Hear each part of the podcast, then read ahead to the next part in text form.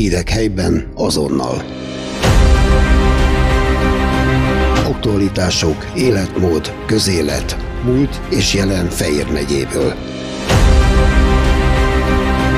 Feol Podcast. Mert ismerjük egymást.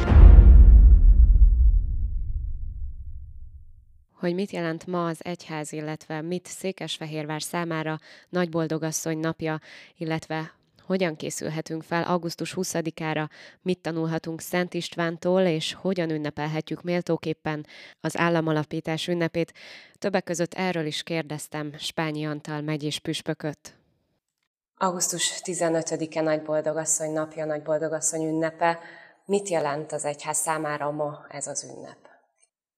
Nagy kérdés, hogy mi volt a szándék a 12. Pius pápának, amikor 1950-ben a dogmát Mária, mennybe, Mária mennybe menetelének, mennybevételének a dogmáját kihirdette az egyházban.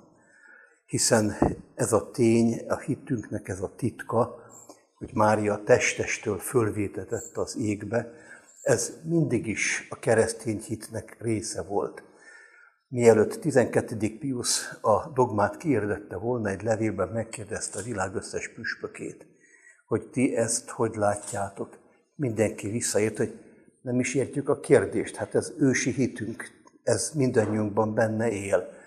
És akkor hirdette ki ő a maga pápai tekintélyénél fogva ezt a dogmát, és attól kezdve, mint egy dogmatikus tétel része az egyháznak.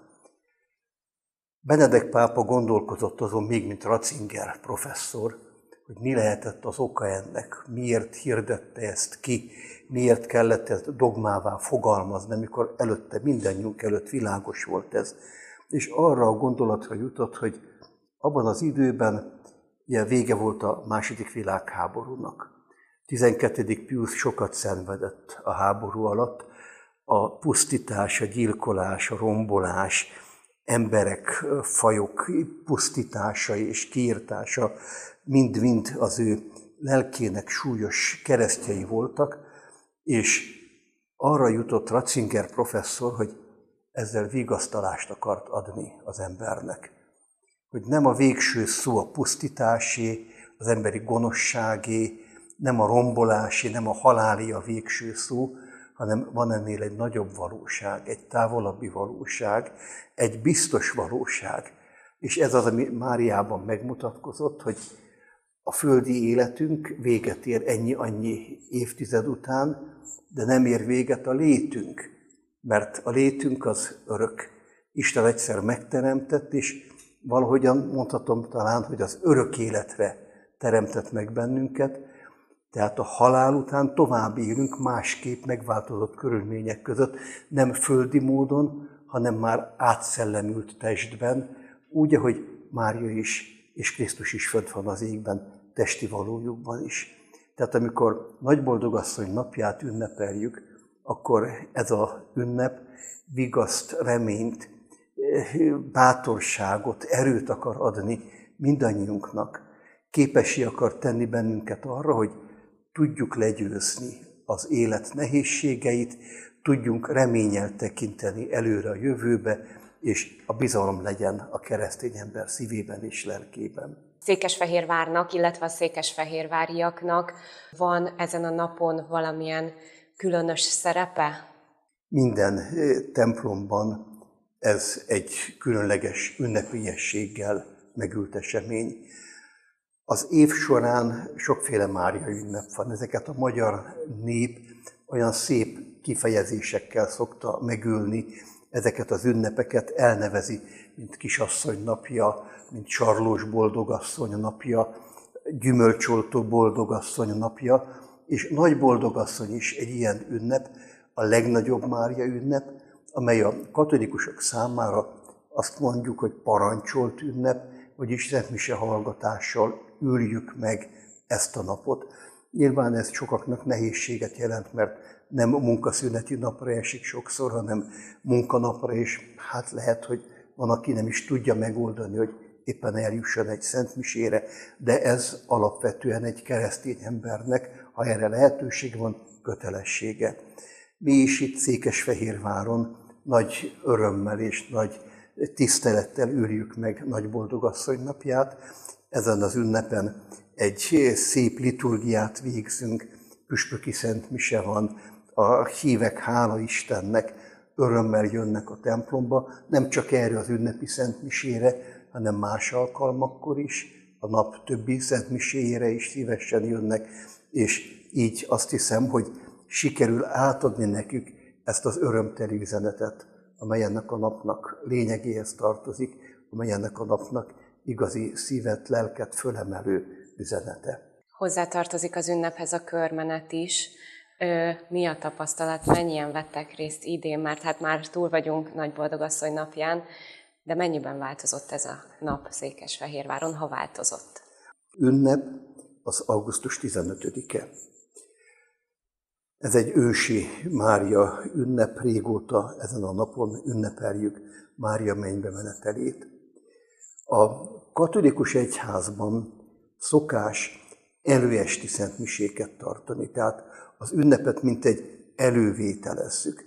Ugye így van, hogy karácsony december 25-e, de már Szenteste december 24-én van, amikor jön a Jézuska a családokhoz, és megünnepeljük Jézus születését, ami majd ezután fog következni az éjféli szentmisével, gondolunk különösen erre.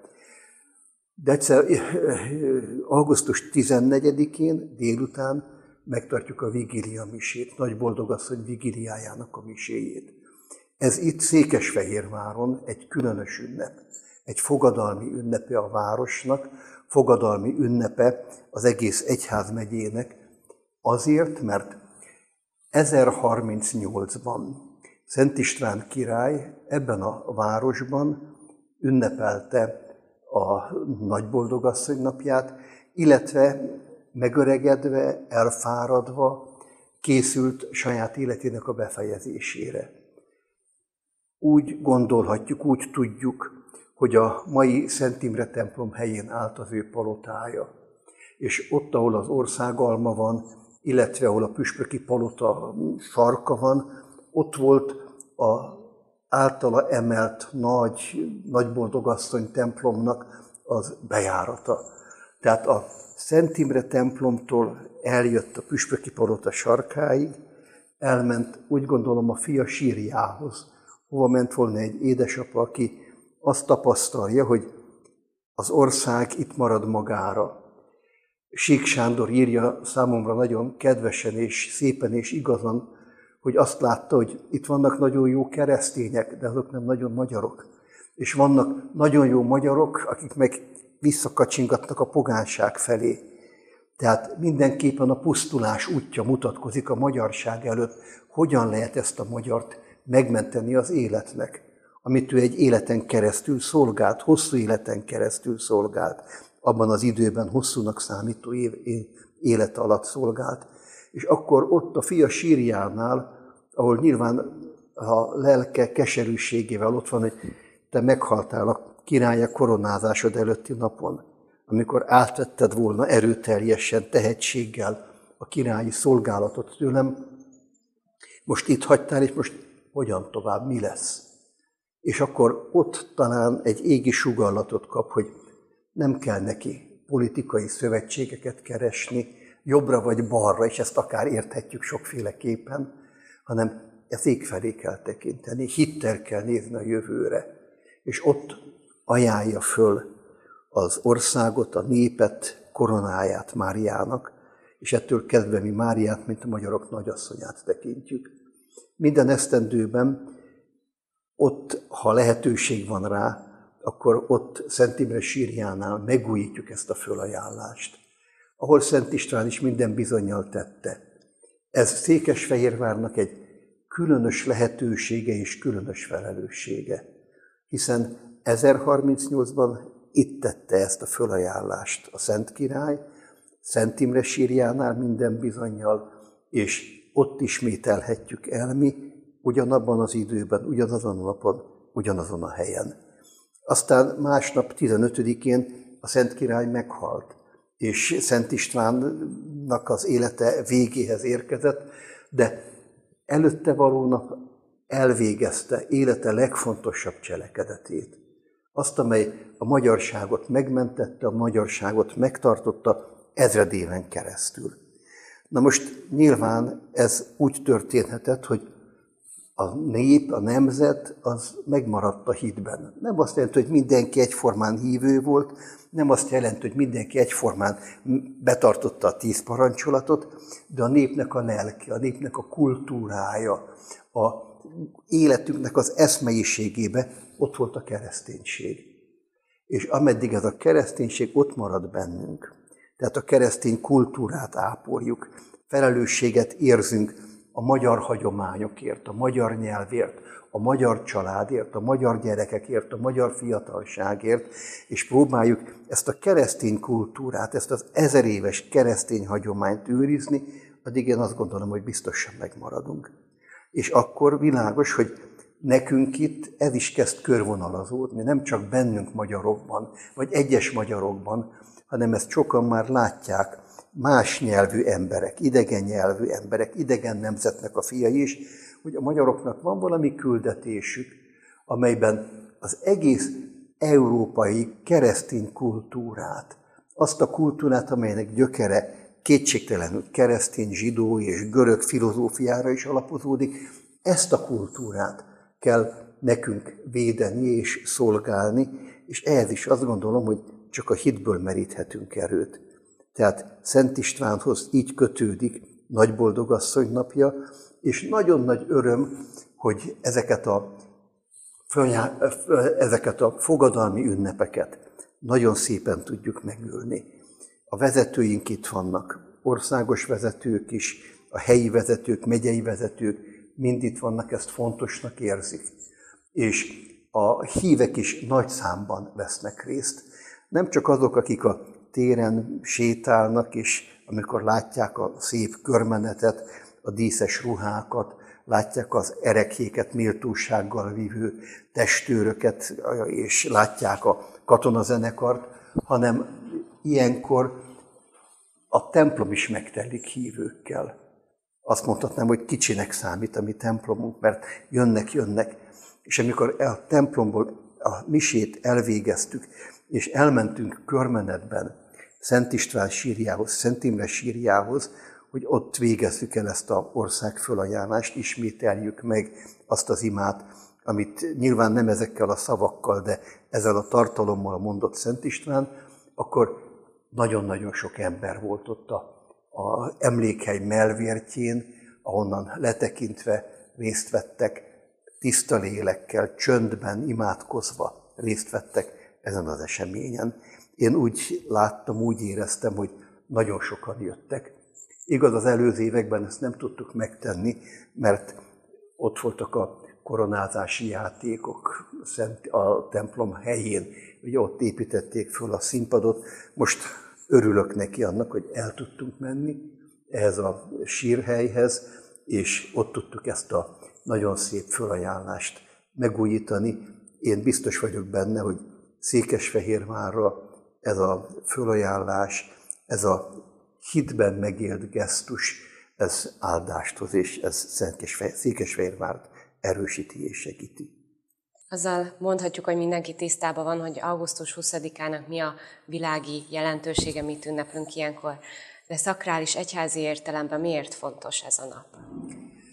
A katolikus egyház természetesen Krisztust állítja középpontba, és a hitünk, hitrendszerünknek a középpontjában az Isten áll. Természetesen úgy látjuk, hogy Krisztus mellett az első a boldogságos Szűz Mária. Az a Mária, aki mindig Istenre figyelt, aki Istenre figyelő lélekkel ott volt mindig az ember mellett, figyelt a szükségére, Kánában ő veszi észre, hogy fogytán a boruk, és valamit segíteni kell nekik, és mindig ott van az emberek mellett, akik bajba vannak, akik rászorulnak Isten szeretetére, akiknek erő és megértés kell. És ott vannak a szentek. A szentek között nekünk ilyenkor, augusztus 20-án nyilván a legelső Szent István király, és itt mi Fehérváron örömmel ünnepeljük Szent Istvánt, az ő családjával együtt, az első magyar szent családot is tisztelve, amelyben ott látjuk Szent Imrét, a fiatal herceget, és ott látjuk boldog Gizellát, a hűséges hitvest, akik segítették István munkáját, az ő küldetését beteljesíteni, és imádságaikkal segítették. Gizella ebben nagyon nagy volt, segítette, hogy ez a magyar valóban keresztény néppé váljék. Amikor egy szentet ünneplünk, akkor az ő erényeit próbáljuk meg szemlélni, próbálunk tőle tanulni, és próbáljuk ellesni, hogy neki hogyan sikerült azt a sajátos küldetést véghez vinni, amelyért mi tiszteljük és szeretjük őt. Hiszen a szentek nem egy kaptafára gyártott valamiféle teremtmények, hanem mind sajátos személyiséggel, egyéniséggel rendelkeznek, adottságokkal, és mindnek van egy sajátos küldetése. Minden keresztény emberre igaz ez, és minden emberre igaz ez persze. A keresztény Isten előtt felel azért, hogy ezzel az adottsággal mit kezd. Úgyhogy fontos nekünk látni Szent Istvánt, aki odatta az életét egy nemzet szolgálatára, aki minden tehetségét egy ország szolgálatára tudta fordítani és szentelni, és ebben hűségesen meg tudott maradni. Aki felelősséget vállalt, nem esett kétségbe a próbatételek, a nehézségek idején, erős férfiként tudta viselni az élet keresztjeit is, hiszen több gyermekét is el kellett temetni, sok harcot kellett vívnia, biztos, hogy sok emberben kellett csalódnia, de megmaradt a hitében szilárd embernek, országát, nemzetét, bennünket szikla alapra épített, ez a szikla az evangéliumban szerepel, és ez magát Krisztus jelenti, tehát a keresztény hitnek az útját választotta, és így nekünk nagy tanítást ad, amikor kétségek gyötörnek, amikor támadások érnek, amikor csalódásokban is részünk van, amikor látjuk a pusztítást körülöttünk, a háború értelmetlenségét, és azt, hogy a rombolásra költünk olyan óriási vagyonokat, mesés, hatalmas, elképzelhetetlen összegeket, amelyekből nyugodtan lehetne a szegény, nyomorult embereket, akiknek nincs megélhetésük, és ezért útra kelnek, lehetne ott segíteni, és lehetne ott, ahol az ő hazájuk van, az ő kultúrájuk van, ott tudnánk nekik vizet, élelmet, munkát teremteni, de ehelyett inkább fegyvereket, meg lőszereket küldözgetünk, és ezzel pusztítjuk és romboljuk a világot. A szentek így előremutatók a mi számunkra, példát adnak, és Szent István ebben különösen nagy nekünk. Ki lehet emelni egy valamit, mert úgy fogalmazott, hogy figyelnünk kell és tanulnunk a szentektől, így Szent Istvántól is, ki lehet emelni egy valamit, ami, amit nagyon fontos lenne ma megértenünk és megtanulnunk az ő életéből? Az én számomra Szent István egy olyan ember, aki mint családfő, mint nemzet államalapító, nemzet vezető, mint, mint király ennek a nemzetnek, egy olyan ember, aki nagyon erős példát mutat nekünk. És ez az, hogy a család életében voltak tragédiák. A munkája végzése közben, mint király, voltak tragédiák, de soha nem torpant meg, soha nem ingott meg. Hatalmas erővel biztosan tudta, hogy mi az ő küldetése, és ezen az úton ő határozottan ment nem próbált meg, ha úgy tetszik, reálpolitikusként valahogyan egy kicsit erre-arra ingázni, keresni könnyebb utakat, keresni időleges lehetőségeket, amelyek aztán úgyis csődbe mennek minden bizonyal, hanem rendületlenül ment a maga útján. A mai ember sok kísértésnek van kitéve, sok megpróbáltatásnak vagyunk kitéve. Sokszor kell döntenünk, hogy hitünk szerint akarunk-e élni? Akarjuk-e a keresztény hagyományokat, a keresztény kultúrát őrizni?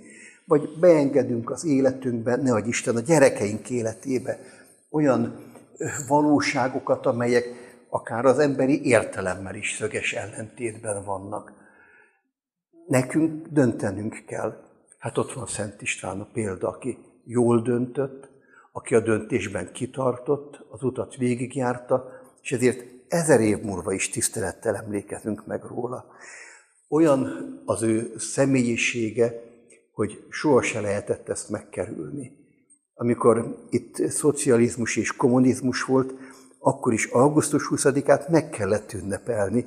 Persze nem merték kimondani, hogy Szent István, első Istvánt mondtak, meg első királyt mondtak, meg alkotmány ünnepét, meg új kenyér ünnepét mondtak. Persze, legyen az új kenyér ünnepe is augusztus 20-a, de mégiscsak Szent István miatt ünnepeljük augusztus 20-át.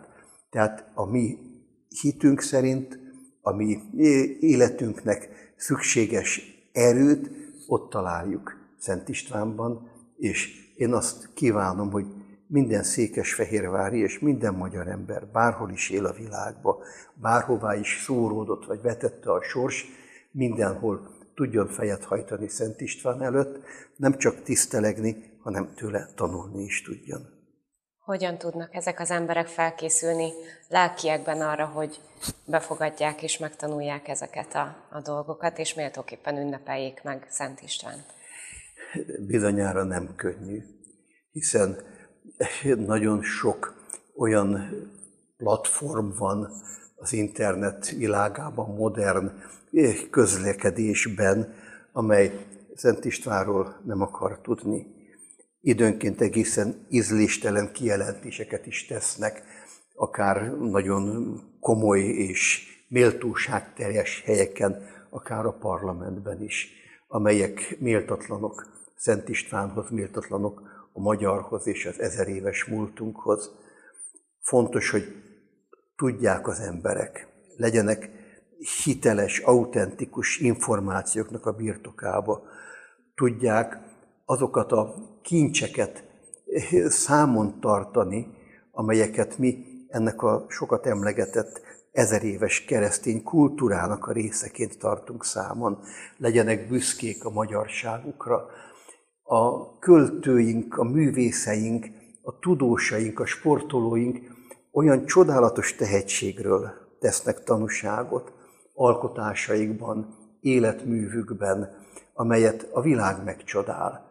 Egy kis nemzet vagyunk, de igazából nem csak létszám arányosan, hanem azon messze túlmenően is mi csodálatos dolgokat tudunk fölmutatni a világnak. Latinovics mondta, hogy ha a költőknek lenne valami olimpiájuk, hát az első tízbe csak magyar költő lenne. Ezt nem csak valamiféle elfogultsággal mondta, de tényleg azt gondolom, hogy a mi művészeink, a mi költőink, a mi zeneszerzőink olyan csodálatos alkotásokat hoztak létre, amely az egész emberiség közös kincse. Fontos volna ezt megtanítani a gyerekeknek, fontos volna ezt a családoknak az ünneplésébe belevinni. Én nagyon örülök ezért, hogy Szent István ünnepét, hála Istennek, most már elég számos esztendő óta nagyon komolyan és áldozatosan ünnepeljük. Meg akarunk mutatni valami örömet, meg akarunk mutatni valami szépséget abból, ami a magyar lélekből fakad. És akarunk valami nagyon szép tűzijátékkal ezt a napot lezárni, ami szintén sok millió embernek szerez örömet, és sokan tekintenek erre a fényjátékra, és talán megértenek valamit abból, hogy a fény az, az körülöttünk elillan, az, az elmúlik, de ami bennünk van, ami bennünk ég, ami belőlünk sugárzik, az bizony lehet örök, és legyen is örök. Nekünk is, meg azoknak is, akik látják a mi életünk példáját. Tehát példát adni, tanítani, igazságot mondani, az igazat tanítani, és belevinni a családi életünkbe ezt az igazat. Ez az az út, amelyen azt hiszem, hogy mindenki megtanulhatja, hogyan is kell ünnepelni, minden ünnepet, a családi ünnepeket is, a nemzeti ünnepeket is, az egyházi ünnepeket is, és hogy a saját életünk is egy ünneplő élet legyen. Hírek helyben azonnal. Aktualitások, életmód, közélet, múlt és jelen Fejér megyéből.